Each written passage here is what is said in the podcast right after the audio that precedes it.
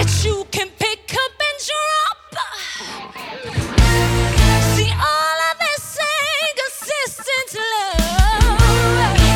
Well, I think it's time that it has to always stop. So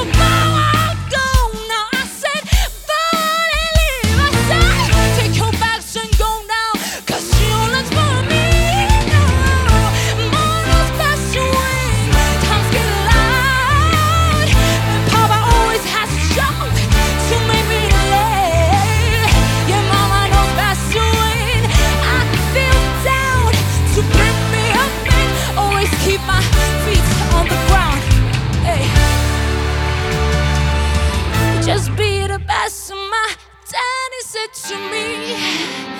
Always use more as your therapy.